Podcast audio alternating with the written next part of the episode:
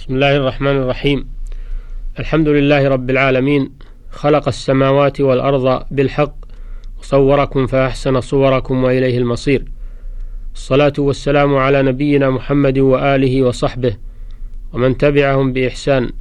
أيها الإخوة المستمعون السلام عليكم ورحمة الله وبركاته. وبعد نتحدث إليكم في هذه الحلقة امتدادا لما سبق في مواضيع العقيدة. ونخص حديثنا الآن عن موضوع يمس العقيدة وقد تساهل فيه الناس ألا وهو موضوع التصوير. والتصوير معناه نقل شكل الشيء وهيئته مجسما أو غير مجسم وإثبات هذا الشكل على لوحة أو ورقة أو تمثال أو غير ذلك. وكان العلماء رحمهم الله يتعرضون للتصوير في مواضيع العقيدة لأن لأن التصوير وسيلة من وسائل الشرك وادعاء لمشاركة الله بالخلق ومشابهته في ذلك. وأول شرك حدث في الأرض كان بسبب التصوير حينما أقدم قوم نوح على تصوير الصالحين ونصب صورهم على المجالس. قد حذر النبي صلى الله عليه وسلم من التصوير بجميع أنواعه ونهى عنه وتوعد من فعله بأشد الوعيد وأمر بطمس الصور وتغييرها لأن التصوير فيه مضاهاة لخلق الله عز وجل الذي انفرد بالخلق فهذا الإنسان المصور يحاول أن يضاهي الله عز وجل فيما انفرد به. ولأن التصوير وسيلة من وسائل الشرك فأول ما حدث الشرك في الأرض كان بسبب التصوير لما زين الشيطان لقوم نوح تصوير الصالحين ونصب صورهم على المجالس لأجل تذكر أحوالهم والاقتداء بهم في العبادة حتى آل الأمر إلى عبادة تلك الصور واعتقاد أنها تنفع وتضر من دون الله فالتصوير هو منشأ الوثنية لأن, لأن تصوير المخلوق تعظيم له وتعلق به في الغالب خصوصا إذا كان المصور له شأن من سلطة أو علم أو صلاح. وخصوصا إذا عظمت الصورة بنصبها على حائط أو إقامتها في شارع أو ميدان فإن ذلك يؤدي إلى التعلق بها من الجهال وأهل الضلال ولو بعد حين ثم هذا أيضا فيه فتح باب لنصب الأصنام والتماثيل التي تعبد من دون الله وسأورد بعض الأحاديث الصحيحة الصريحة في هذا الموضوع مع التعليق عليها بما تيسر إن شاء الله. عن أبي هريرة رضي الله عنه قال قال رسول الله صلى الله عليه وسلم: قال الله تعالى: ومن أظلم ممن ذهب يخلق كخلقي فليخلقوا ذرة أو ليخلقوا حبة أو ليخلقوا شعيرة. أخرجه البخاري ومسلم. ومعناه لا أحد أشد ظلما من المصور لأنه لما صور الصورة على شكل ما خلقه الله من إنسان أو بهيمة أو غيرهما من ذوات الأرواح صار مضاهيا لخلق الله الذي هو خالق كل شيء وهو رب كل شيء وهو الذي صور جميع المخلوقات وجعل فيها الأرواح التي تحصل بها حياتها. خلق السماوات والأرض بالحق وصوركم فأحسن صوركم. هو الله الخالق البارئ المصور.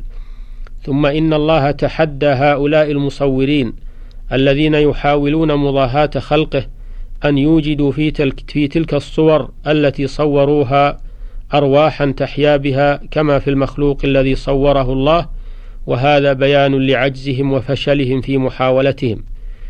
وكما أنهم عاجزون عن إيجاد حيوان ذي روح فهم عاجزون عن إيجاد الثمر والحب فليخلقوا حبة أو ليخلقوا شعيرة.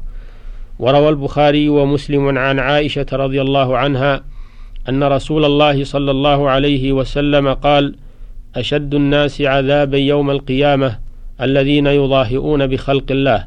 فهذا إخبار منه صلى الله عليه وسلم بشدة عذاب المصورين يوم القيامة وسوء عاقبتهم.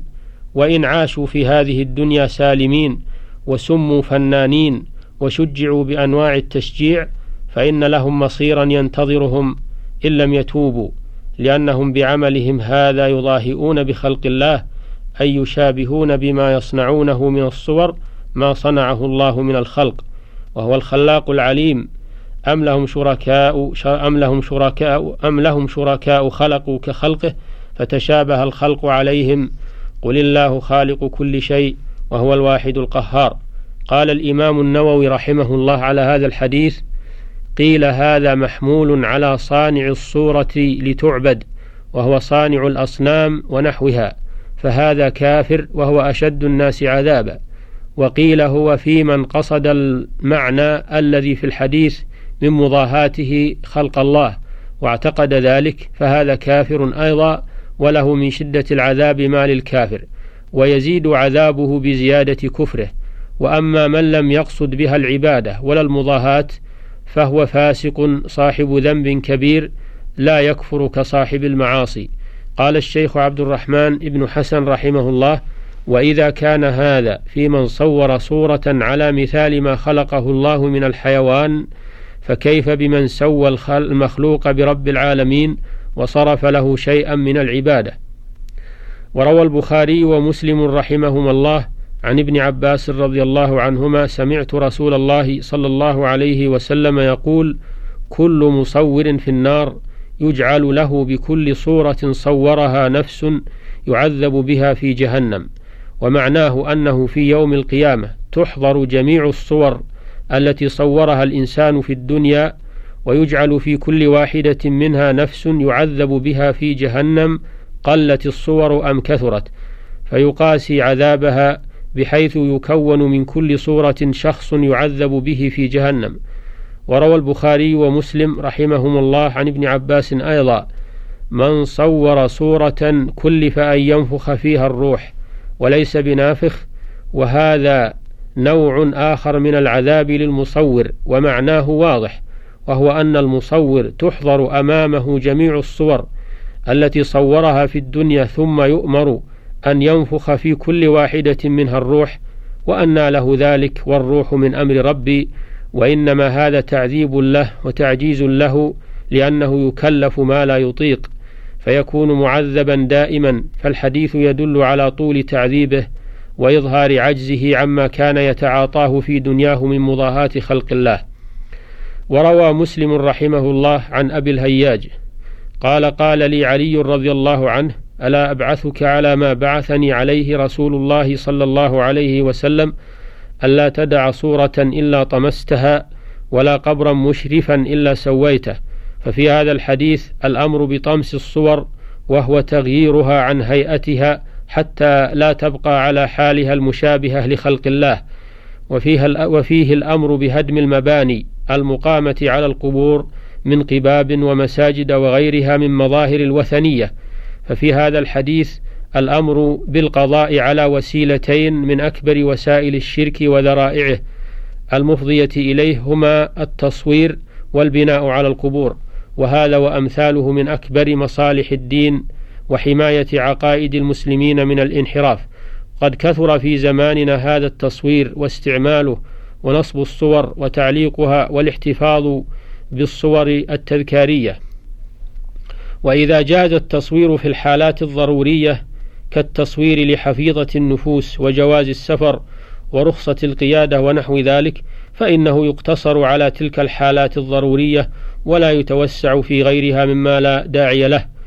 وكذلك ظهر في هذا الزمان وكثر البناء على القبور حتى صار ذلك أمرا مألوفا وذلك بسبب غربة الدين وخفاء السنن وظهور البدع وسكوت كثير من العلماء واستسلامهم للأمر الواقع حتى أصبح المعروف منكرا والمنكر معروفا في غالب البلدان ولا حول ولا قوة إلا بالله العلي العظيم.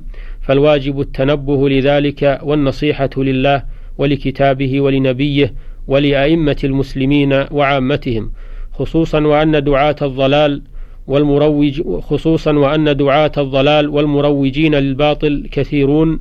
فلا بد من كشف زيفهم ورد ضلالهم وتبصير المسلمين بشرهم حتى يحذروهم.